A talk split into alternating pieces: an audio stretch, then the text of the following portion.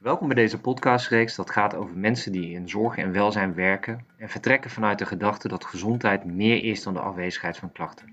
Ik ben Stefan Ermsen, 45 jaar en nu ondertussen ruim 20 jaar werkzaam in de zorg. Wat ik zo mooi vind, is dat het concept van positieve gezondheid heel mooi aansluit op mijn Afrikaanse roots. Ubuntu. Zonder jou ben ik niet. Het verbonden zijn aan elkaar heeft invloed op onze gezondheid. En zonder deze verbinding kan er ook geen kennis gedeeld worden. En vandaag spreek ik Mirjam de Klein. En Mirjam is eigenlijk een, echt een duizendpoot. Een onderzoeker, een oud huisarts, een adviseur, een voorvechter voor een rookvrije generatie en heel erg betrokken in de beweging rondom meer gezondheid.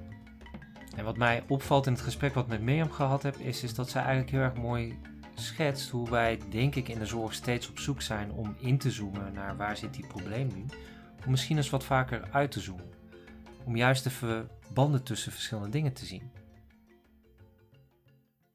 Uh, goedemiddag Mirjam. Uh, welkom bij dit gesprek. Fijn dat jij de tijd hebt genomen om, uh, om mij te spreken in mijn zoektocht naar hoe verschillende mensen omgaan met die brede beweging van ziekte en klachten naar, ja, eigenlijk naar gezondheid, gedrag, leefstijl. Al die, die grote beweging, dat brede blik van gezondheid.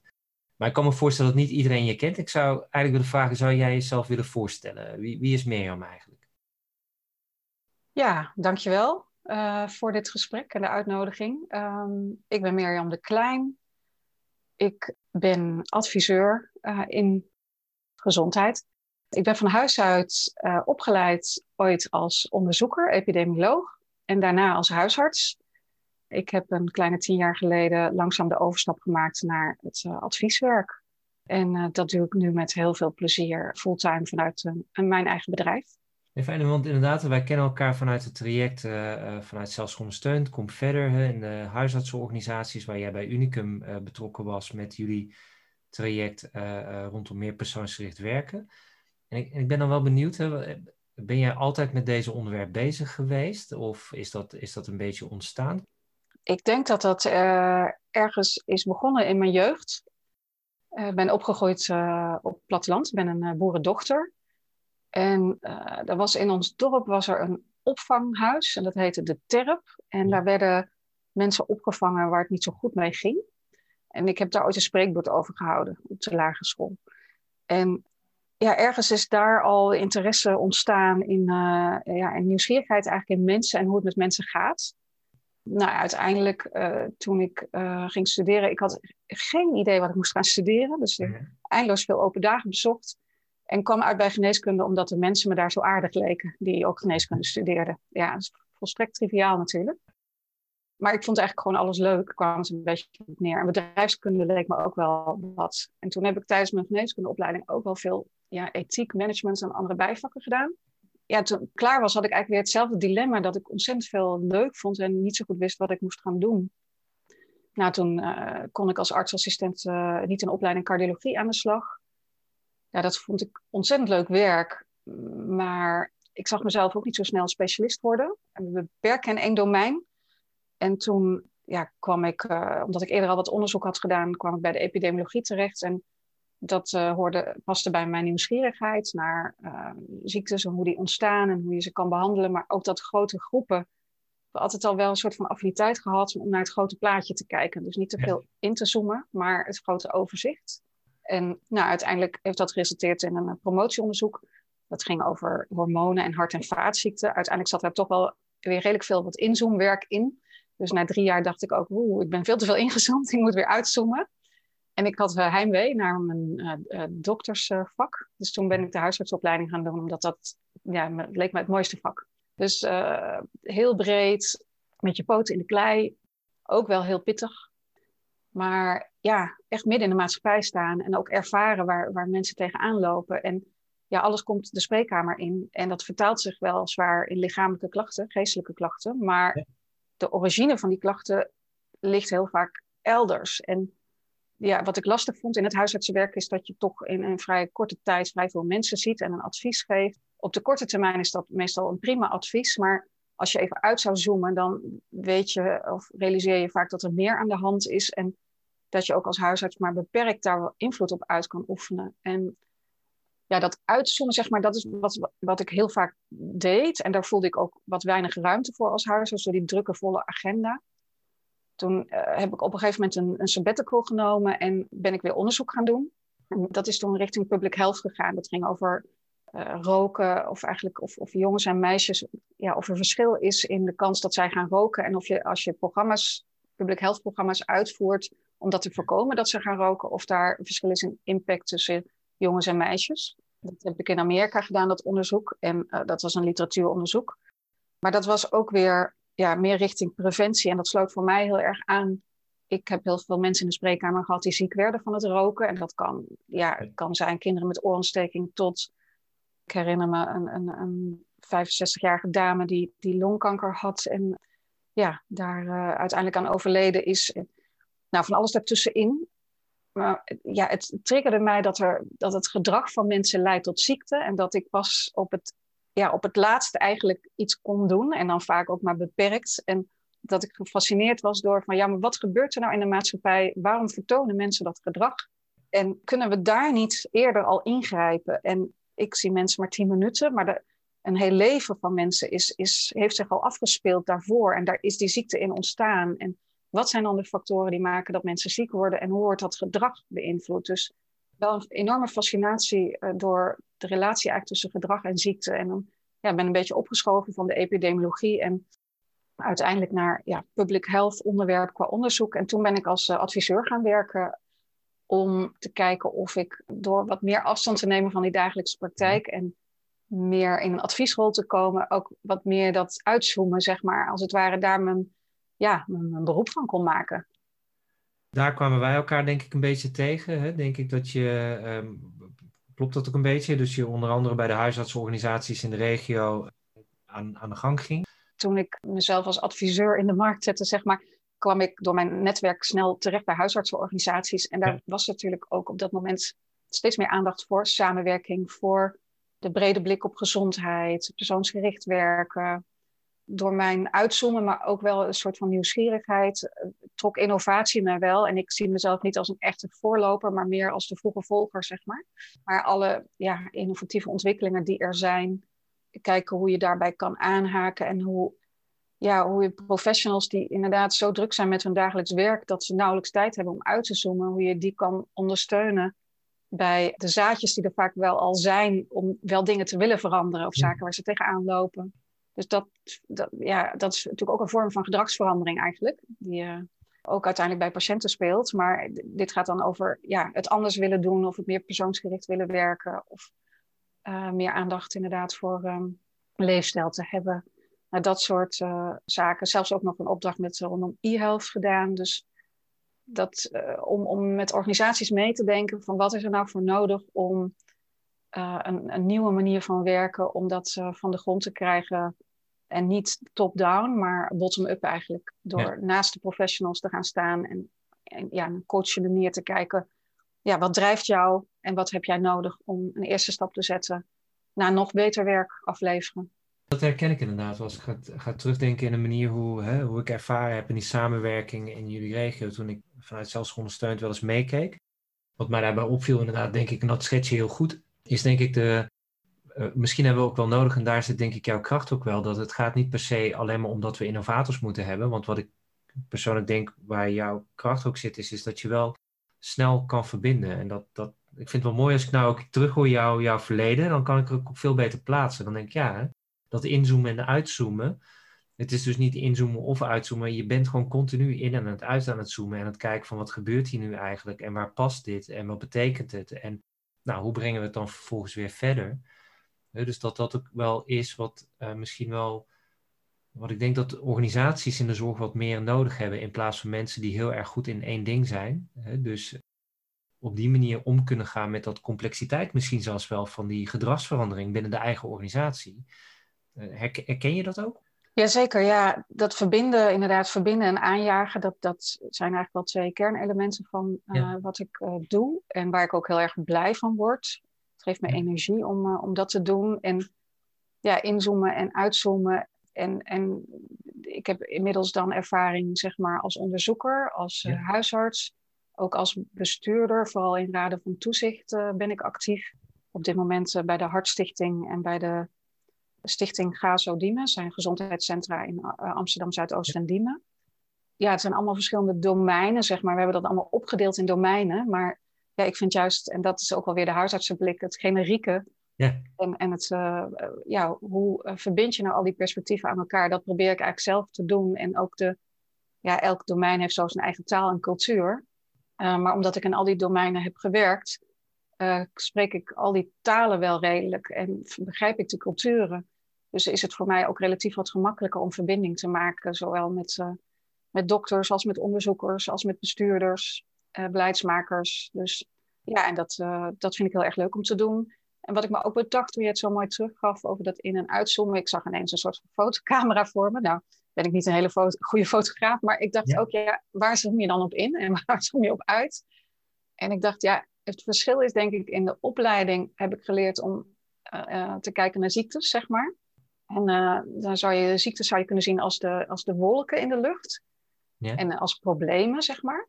Maar wat als je, uh, als je inzoomt op de zon? Dus dat vind ik ook een heel interessant, die perspectiefwisseling, zeg maar, van, ja, van wolken naar de zon. Want ze zijn er alle twee, maar wolken die komen en gaan. En die zon die, die is er altijd. Alleen soms zie je de zon niet, omdat de wolken het zicht ontnemen. Dat is een beetje een boeddhistische manier van er naar kijken. Maar ik denk dat dat ook wel geldt voor uh, de blik op ziekte versus de blik op gezondheid, zeg maar. In feite is die gezondheid is er altijd in een bepaalde vorm. Um, maar soms wordt het zicht enorm ontnomen door de problemen die er zijn. Deel van de problemen zijn niet wegneembaar. Maar wat als je de focus wat meer legt op de zon? En zie je daar ook dan wat meer de rol van uh, zeg maar onze zorgverleners ook om zich bewust te zijn van, van zeg maar dat. Want ik, ik vind het prachtig, ik hou van beeldspraken, dus ik zie ook bijna dat, dat zeg maar een, een prachtige foto waar van alles op staat. En ik kan naar die, naar die wolken gaan kijken. En dan heb ik een hele andere gevoel zeg maar bij die, bij die foto dan wanneer ik inzoomen op de zon. Of dat ik misschien juist uh, eens even die stap terugzet. Hè, dat het heel erg belangrijk is om bewust te zijn van hoe je kijkt naar iets, bepaalt ook wel wat je doet. Is dat ook een beetje waar we in doorgeschoten zijn met bijvoorbeeld ons protocolair handelen? De vraag is of we nou echt doorgeschoten zijn. Ik denk dat het, dat het heel goed is dat er mensen zijn die dat heel goed kunnen. Ja. Um, maar ik denk dat we daarnaast ook mensen nodig hebben die dat hele plaatje zien met de zon erbij. Precies. Dus het gaat ook meer over inderdaad waar, nou ja, alles wat je aandacht geeft groeit, zeg maar. Dus we hebben heel veel aandacht gegeven aan een heel goed zorgsysteem, wat heel erg gefocust is op ziekte. Daar zijn we denk ik ook super goed in geworden. En dan moeten we ook zeker niet weggeven of wegdoen. Maar wat als we daarnaast of daarachter of daaronder ook die, die ja, inderdaad, uh, zon wat meer aandacht en ruimte geven. En en er zit wel een keerzijde aan het medicaliseren of, of het zeg maar inzoomen op, op problemen of, of op ziekte. En dat, en dat is dat mensen inderdaad uh, niet meer goed in staat zijn om dat goede deel van zichzelf te zien. En niet alleen wij als professionals zoomen daarop in, maar ook mensen zelf. En dat gaat denk ik breder ook dan alleen de zorg. Dat zie je ook in uh, ja, sociaal-maatschappelijk uh, veld. Dat mhm. in feite ja, vaak mensen met een, wat, met een lager inkomen daar worden allerlei problemen geschetst. En, en dat, dat, ja, dat wordt zeg maar als een probleem benaderd. Terwijl ik denk, ja, het zijn ook allemaal mensen met prachtige, en, ja, prachtige mogelijkheden en kansen. En dat is helemaal niet goed voor mensen als je alleen maar op hun problemen inzoomt. Ik denk dat, dat dat ja, de keerzijde ook misschien wel van de verzorgingsstaat is. Dat we eigenlijk hebben gezegd, jullie kunnen het niet zelf, we gaan jullie wel redden. En dat, dat doen we dus ook als dokters. We zeggen, jullie kunnen niet zelf, we gaan jullie wel redden maar die balans is in, wel enigszins zoek geraakt tussen het, ja, het redden en, en daarmee ook mensen eigenlijk zelf onmondig maken en die regie ontnemen. Dus hoe kan je nou en mensen wel de, de goede dingen doen die nodig zijn en de goede operaties en de goede medicijnen geven en goede schuldhulpverlening geven zonder dat je ze uh, onmondig maakt. Dus daar, daar, ja, daar zit een grote uitdaging in. En als ik daar een bijdrage aan zou kunnen leveren om die balans inderdaad in het hele systeem te krijgen. Ja, in, in de zorg, maar ook wel breder dan de zorg, denk ik. En ook in het overheidshandelen. Hoe ziet dat, dat er dan uit als je van dit model uitgaat? Ja, dat zou ik wel heel erg mooi vinden. Ja, want ik hoor je inderdaad ook dus die brede, dus niet alleen maar die, die zorgverleners, maar ook dus uh, het, het, handelen van de overheid. Wat, want hoe, hoe, kijk je daar dan tegenaan? Wat, wat, wat kom je daar tegen? Of wat, heb je daar ideeën over of vragen over? Kan je dat uh, wat toelichten? Nou ja, wat ik daar fascinerend vind is zeg maar, kijk, ons gedrag en dan met name als je kijkt naar gedrag wat gerelateerd is aan gezondheid. Mhm. Ehm, dus eh, het gedrag, wat, wat eten we, hoeveel bewegen we, eh, roken, drinken. Dat wordt enorm beïnvloed door, eh, vooral eigenlijk door eh, grote bedrijven, eh, multinationals, social media. En ja, ik, ik denk dat de overheid, de rol van de overheid eigenlijk ook is om de ruimte van, van bedrijven te beperken en ook zelf daar andere gedragsbeïnvloeding naast te zetten, zogenaamde nudging. Ja. En, en mensen veel meer in staat stellen om ook gezond gedrag te vertonen door de omgeving zo in te richten eh, en de verleidingen ja, enigszins eh, beheersbaar eh, te houden. Ehm, en, en zaken als met wetgeving regelen dat bepaald gezond eten ja, bereikbaarder wordt voor mensen of ongezond eten duurder wordt. Juist ook omdat we eigenlijk nu ons hele gedrag bepaald wordt door bedrijven die heel veel geld verdienen aan ons ongezonde leefgedrag. En ja, ik, ik, ik vind echt dat de eh, overheid daar een rol moet pakken. En nou, je ziet dat ze dat langzaam enigszins aan het doen is. En, en voorzichtig beginnen ze een preventieakkoord. Super blij met eh, Paul Blokhuis als staatssecretaris die ja, de rookvrije generatie omarmt. En ook echt ehm, ja, eh, probeert met regelgeving zoals dat straks in de supermarkten geen tabak verkocht meer mag worden. Om, om dat tij te keren, zeg maar. Van eh, de beschikbaarheid van sigaretten overal op meer plekken dan eh, waar je brood kan kopen. Nou ja, dat soort ontwikkelingen zijn denk ik heel, heel erg goed. Maar dat mag nog wel, er mo- mogen wat mij betreft nog wel wat stapjes bij. En het mag ook wel wat sneller. Politiek gezien ligt dat natuurlijk lastig, omdat het, ja, de, de VVD-dominante partij is die eh, ja, vanuit een liberaal gedachtegoed Ja. moeite heeft met deze strategie, alhoewel daar ook wel verandering in aan het komen is. Ja. Dus ehm, ja, ik heb goede hoop in die zin. Ja. Ik heb ooit een keertje in, eh in Heerlen, ehm, eh, in de WMO, eh, was een vraagstuk. En om te kijken van, goh, hoe sluit het nou aan bij de doelgroepen? En een van de doelgroepen waren, zeg maar, jonge alleenstaande tienermoeders. Om Ja, maar een beetje, en dan gingen we eh, verder indiepen, of eh, zeg maar uitdiepen. Toen bleek dus dat daar heel veel loverboys rondliepen en dat soort dingen deden. En toen was er wel blijkbaar één persoon die zei van, weet je, we kunnen een programma neer gaan zetten en we wilden ook weten van, goh, maar waar komen deze jonge dames van? Want, want als je nou gedrag wil beïnvloeden, je wil ze helpen, dan is het heel goed om je te verplaatsen van, maar waar komen ze? Dus de gemiddelde WMO-medewerker, die komt niet op de social media eh, platforms waar eh, deze dames komen en, en dus ook vatbaar zijn voor heel Ja. veel dingen die daar gebeuren. Eentje heeft een keertje out of the box, een keer ook gewoon zo'n gesprek met zo'n loverboy aan, eh, is die aangegaan. En die lachte, die zei van ja, weet je, jullie kunnen met jullie manier van deze eh, meiden bereiken, doen wat jullie willen, maar jullie snappen niet eh, wat zij nodig heeft. Want zij heeft niet nodig dat iemand haar vertelt wat ze beter moet doen of wat ze anders moet doen. Want dat bevestigt haar alleen maar dat ze iets niet kan. ja, En dat is waarom ze voor mij eh, prooi is.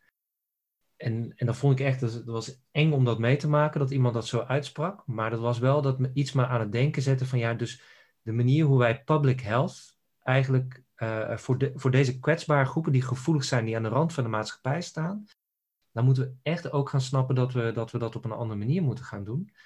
En misschien op een goede ethische manier gebruik maken van diezelfde mechanismen. En, en daar zit ook weer de focus op het positieve. Dus die, die, die meiden die zijn gevoelig voor zo'n jongen, omdat wat zij doen is, vooral die meiden, een heel goed gevoel over zichzelf Ja. hebben. En zich aan zich binden. En wij zijn vooral met alles wat wij doen, zijn we eigenlijk mensen ja, aan het bevestigen dat ze iets niet kunnen. Dat ja, dat er iets niet klopt. Ja, Ja. Ja, En, ja. Dus dat, gewoon dat maakt het los. Ik denk van ja, hè, als we dan naar die rookvrije generatie toe willen gaan, of we willen naar, of het nou over leefstijl hebt, gezond gedrag, eh, ehm, eh, of het nou ehm, met etingvoeding is, maar ook misschien met stress en spanning. En ehm, het normaliseren van verwachtingen, hè, dus te hoge verwachtingen Ja. hebben, wat heel veel maatschappelijke problemen veroorzaken. Ja, en het omgaan met tegenslag. Hè, dat- ja ik, ik denk dat bijna suggereren in deze maatschappij dat, dat het allemaal maakbaar is en beïnvloedbaar. En door verzekeringssystemen en ja, dat je ja, overal grip op hebt. Terwijl ja, in de praktijk blijkt dat het helemaal niet zo is. En dat vertaalt zich denk ik in ongezond gedrag en in stress ook. Ja, Ja, precies. Ja. Fijne. Dus je kunnen schetsen van hoe je ook, ook breed ook dan kijkt naar. Hè, dus, en dat je ook die, die, die veranderingen ook ziet. En ik denk iedereen merkt het ook. Hè, voor het eerst dat ook een ministerie ter discussie staat, uh, stelt uh, de marktwerking. Hè, dus dat het echt die, die mechanismen zijn daar ook nu gaande. En als, als je nou als we weer even, even uitzoomt, van waar ben je, ben je, ben je zo nu, nu zo weer mee bezig? Hè? Want ik weet, je noemt de rookvrije generatie al een paar keer. Um, stoppen met roken is ook wel iets wat, uh, wat ik weet dat, wat, dat je bezighoudt. Um, kan je me daar meenemen? Van wat, wat, wat ben je daar nu aan het doen en hoe kijk je eigenlijk tegen die vraagstuk aan als het gaat over de, het verbeteren van de gezondheid van, uh, van mensen? Ja, ik ben op dit moment uh, werkzaam voor het Trimbos Instituut, voor het team Stoppen met Roken uh, professionals. En uh, Trimbos houdt zich eigenlijk bezig met het ondersteunen van professionals in de breedste zin. Dus uh, in de zorg, maar ook daarbuiten bij het geven van goede stoppen met roken adviezen en het, ja, en, en het inregelen van goede stoppen met roken zorg. En daar is um, ja, daar, daar gebeuren al een hele hoop mooie goede dingen. En eigenlijk is de uitdaging om dat op te schalen en ervoor te zorgen dat in heel Nederland, zeg maar, elke persoon die rookt en die in contact komt met zorg, daar een goed, uh, ja, een goed stoppen met roken advies uh, krijgt. En ook uitleg krijgt dat er goede ondersteuning bestaat en dat je daarmee ja, succesvol kan stoppen. Dat is, uh, dat is nu nog niet zo. Ik denk mm-hmm. een deel van de professionals, um, waaronder ja, de, de, dokters ken ik dan zelf het beste, ziet het ook nog een soort van zijn eigen schuld dikke bult. Dus realiseert zich onvoldoende dat het een verslaving is, die vaak ontstaat, vrijwel al gevallen ontstaat in de jeugd.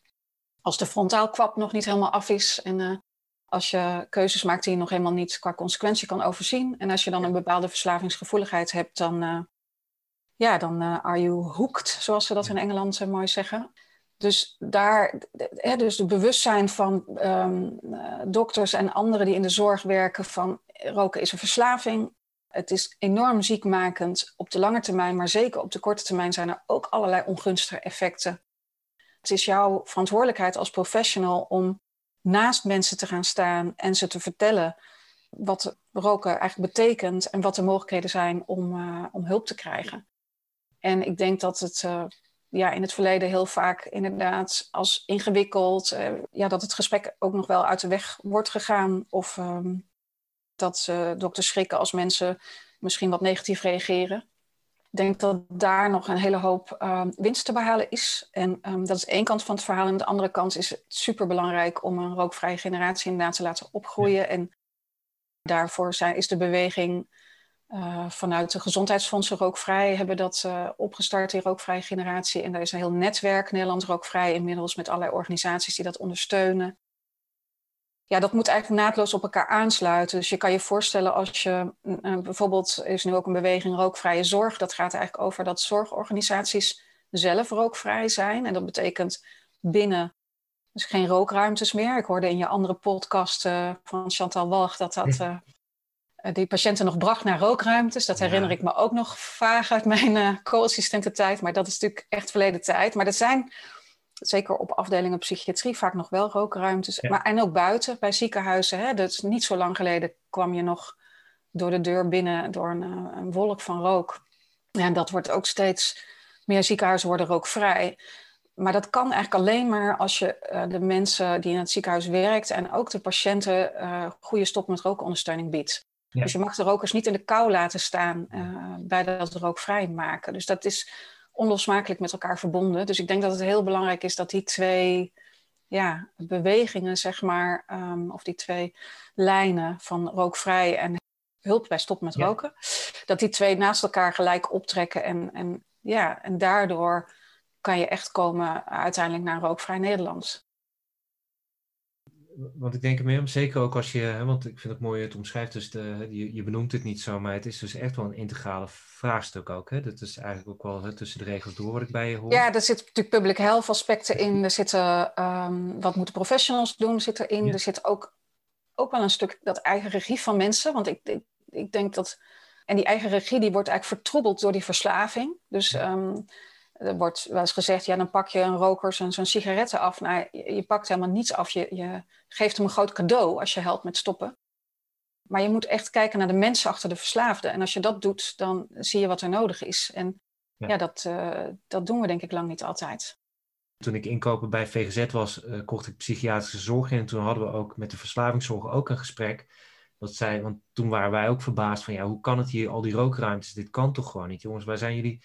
Dus ik, hè, naïef als wat ik was, stapte ik er ook zo naar binnen van, ja, jongens, ik zie medewerkers hier gewoon puffend rondlopen, hoe, hoe kan dit? Uh, en dat daar wel, zeg maar, die hoofdpsychiater zei, ja, maar we zijn nog, wij zijn als, als psychiatrie ook nog zo verkokerd, dat wij dan onvoldoende in staat zijn, omdat als je dat roken zomaar weg afneemt, dan komt er een depressie voor in de plaats. Dus als je dat niet goed doet, en dat heeft neurologisch met die dopamine te maken, die erom schreeuwen, en als je dat in één keer wegneemt, dan komt er die depressie. Dus ook dat deel, dus en dat volgens mij hoor ik je ook zeggen, je, dus je hebt die zon weer nodig om, om te bieden aan die, aan die patiënt, om te zorgen dat je niet alleen maar iets afpakt, want dan gaat het ook mis. Ja. Zelfs in de psychiatrie, waar je mag verwachten dat ze, met, dat, dat ze verslavingen begrijpen, begrijpen ze dan die verslaving wel. Maar als je die verslaving zomaar weg of ja, probeert aan te pakken, dan heb je een stukje bredere kennis weer nodig. Ja, en overigens is dat steeds, nog steeds niet goed geregeld, zeg maar, de stoppen met roken hulp voor psychiatrische patiënten. Ja. Omdat het eigenlijk op een gegeven moment is ervoor gekozen om te zeggen, ja, stop met roken, dat hoort in de eerste lijn, zeg maar. Ja. En uh, de hele financiering is daar heel erg op gefocust. En ja, dus we leveren eigenlijk nog onvoldoende maatwerk op het gebied van stoppen met roken. En daar komt nu wel steeds meer inzicht en kennis over dat dat maatwerk nodig is om tot succes uh, te komen. Ja, wil ik ook mee helpen denken over welk, welk systeem van financiering hoort daarbij, bij dat maatwerk, zeg maar. Ja, dus dat, dat is, uh, daar is uh, winst te behalen. En het mooie is eigenlijk dat, um, dat heb ik al in de huisartspraktijk gezien, als, als het je uiteindelijk lukt om iemand uh, te, te begeleiden richting het stoppen met roken. En dat kan soms, hoeft dat alleen maar met één keer een, een goed gesprek, zeg maar. En uh, ja. soms is daar veel meer voor nodig. Maar dat is zo waardevol, dat resultaat. Mensen zijn over het algemeen erg blij, maar je ziet ook dat het een spin-off heeft in de omgeving. Dus zeker als het gaat om ouders van jonge kinderen, nou, dan staan die jonge kinderen niet meer uh, bloot aan rook, tweede of derdehands rook vaak als een verstokte roker het lukt om te stoppen, raken andere mensen, partners of uh, andere familieleden ook geïnspireerd om te stoppen. Dus het kan een enorme impact hebben, een olievlek-effect. Dus uh, in die zin ja, denk ik ook dat het heel mooi is als professionals zien wat voor een, ja, hoe, hoe ze hier invloed op uit kunnen oefenen en wat zo'n ja, dankbare taak dat ook is als je dat op een goede manier doet. Dus uh, bewustwording en scholing op dat terrein is heel belangrijk. En zie je het dan ook zo dat het dus juist ook belangrijk is voor, voor die professional, maakt niet uit waar je in dat, dat verhaal zit, om dus hè, um, op zoek te gaan waar zit dat zon nou voor die, voor die persoon, om, om dan... Ja, en, de, en daar is dan de brug naar mijn andere belangrijke opdracht ja. nu van, bij het IPH, het Instituut voor Positieve Gezondheid. Daar ben ik de coördinator onderzoek en ja, die brede blik op gezondheid en het praktische instrument daarbij, de vragenlijst met het spinnenweb dat is in feite uh, het kijken naar het hele plaatje en het kijken ja. wat is de zon. Ja. En wat is belangrijk voor iemand en uh, waar is iemand blij uh, mee, waar is iemand tevreden over en vervolgens wat zou iemand, waar is iemand minder tevreden over en wat zou die willen veranderen en wat heeft die, die persoon daar dan voor nodig. Dat spinnenweb is natuurlijk bij uitstek het instrument om uit te zoomen. En vervolgens dan te kunnen inzoomen op misschien iets anders als waar je ja, in eerste instantie dacht dat je op moest zou gaan inzoomen, zeg maar. Dus um, ja, als iemand komt met, met, uh, met buikpijn en je, je zoomt uit en je eindigt uiteindelijk met de conclusie dat het uh, veel zorgen zijn over de financiële situatie en dat daar bepaalde stappen gezet kunnen worden die een deel van die zorgen weg zouden kunnen nemen. Dan help je dus, en, en in dat uitzoomen zie je dan de zon. Dan, mm-hmm. dan laat je eigenlijk mensen ook weer kennis maken met wat gaat er wel goed en waar zit mijn kracht. En dat is ook wat ik van verhalen hoor van mensen die met het spinnenweb werken, professionals ook, die zeggen ja, ineens was iemand wel gemotiveerd om te gaan afvallen. Juist omdat je eigenlijk daar niet begon. Ja, ik vind het heel erg mooi dat de positieve gezondheid steeds meer, dat daar steeds meer mee gewerkt wordt eigenlijk in de praktijk. Niet alleen in de zorg, maar ook uh, in de uh, sociale sector, in onderwijs en um, in bedrijven door personeelsmanagers door die blik op gezondheid en met hulp van zo'n vragenlijst, dat, dat, ja, dat is eigenlijk het, het uitzoom-instrument bij uitstek, zeg maar. En ook uh, een manier om inderdaad die persoon zelf echt centraal te stellen. Want dat, dat zeggen we al jaren, van de patiënt centraal. Maar als je nou kijkt naar hoe systemen zijn ingericht, dan is dat in feite niet zo. Dus uh, daar hebben we ook nog een, uh, een, slag te maken. En ik hoop bij het IPH te helpen om te kijken welk soort van onderzoek gebeurt er al of is er nog nodig, zeg maar, om te kunnen laten zien welke impact deze manier van werken heeft op allerlei niveaus. Dus zowel in de spreekkamer ja. als uh, in een gemeente of in een samenwerking in een regio. Dus, wat kan deze blik op gezondheid eigenlijk toevoegen en wat, wat, ja, wat, wat levert dat dan uiteindelijk op? Maar ook wat verandert er door op deze manier te werken? Dus wat gebeurt er in die processen en in, in de mensen die hiermee aan de slag gaan? Ja, interessant, want ik vind het wel mooi hoe je het ook verwoordt. En dan ook weer die beeld die blijft nu. Hè? Dus ik, ik zou inderdaad dan benieuwd zijn of je verschil ziet. Hè? Want je hebt natuurlijk gewoon het spinnenweb is een instrument en die vragenlijst is een, is een instrument. Maar ik hoor je ook heel duidelijk steeds naar het uitzoomen naar die zon. Hè? Dus ik pak toch even weer die beeld. Hè? Ik kom ook op plekken waar je kan uitzoomen en kan uitzoomen of je, ziet, of je die wolken nog beter ziet. Dan, maar dan vraag ik me af of er iets verandert. Hè? Dus ik, ik heb daar een aanname in. Dus, en dat zou ik wel mooi vinden als we daar een keer goed en gedegen onderzoek naar kunnen doen ook. En volgens mij is dat ook wat jullie ook aan het doen zijn om te kijken van ja, waar zit het nou in? Omdat ik echt wel fundamenteel wel geloof dat het, het gaat erom als je die persoon kan helpen. Ja, we zijn naar jouw potentieel aan het kijken of naar waar jouw kracht zit. Hè? En, en we gaan ook zien waar de problemen zijn, maar we zijn op zoek naar, je, uh, naar die potentieel en naar die krachten en die passie.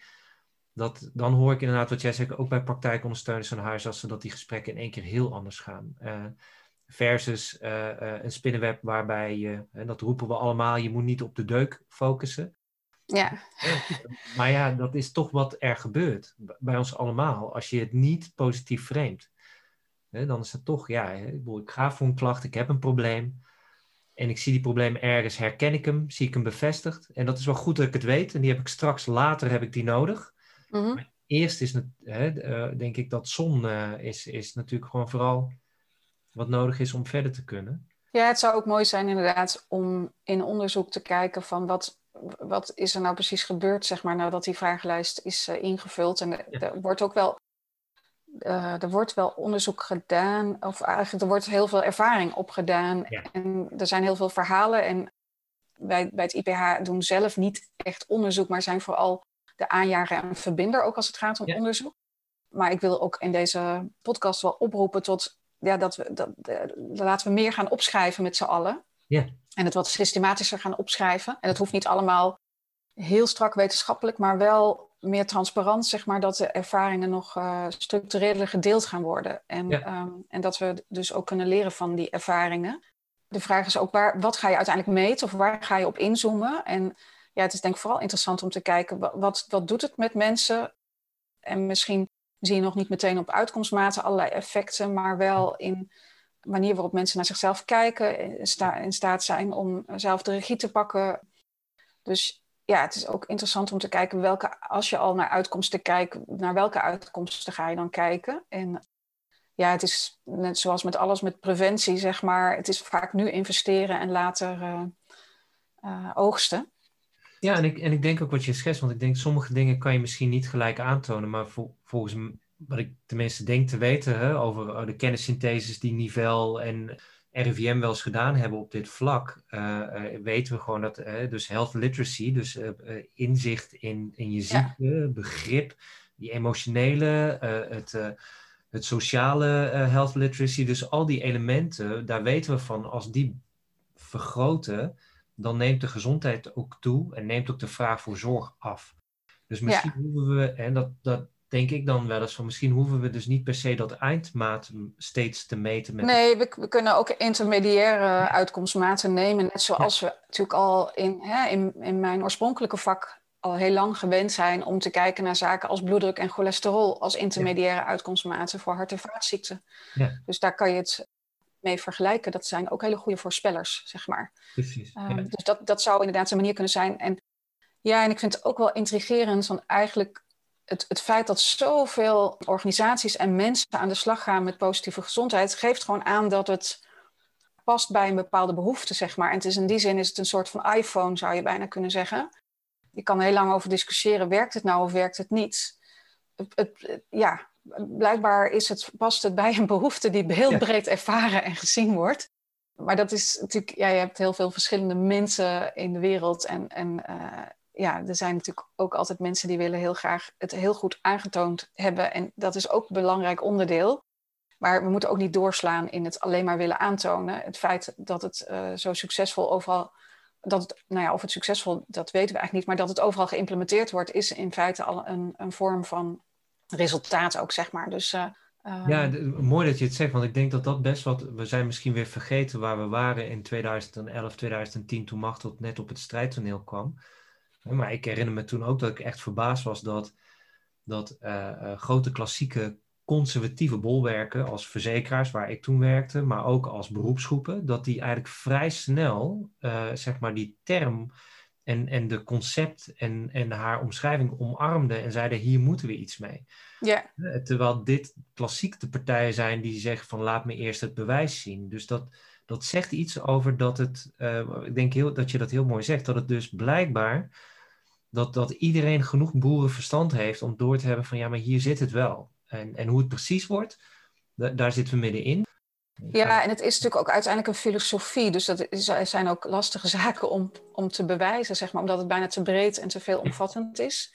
En ik denk een van de redenen dat het zo succesvol is, is ook dat het, um, ja, dat het inderdaad die uitzoomblik is. Dus dat iedereen er iets in herkent en dat het daarmee verbindt tussen uh, al die sectoren die eigenlijk los van elkaar georganiseerd zijn en die eigenlijk vooral zich op, hun, uh, op de sectoren in die problemen, of de problemen ja. in die sectoren vest, uh, hun aandacht vestigen. Ja. En nu heb je ineens een, een, blik om uit te zoomen en alles met elkaar te verbinden.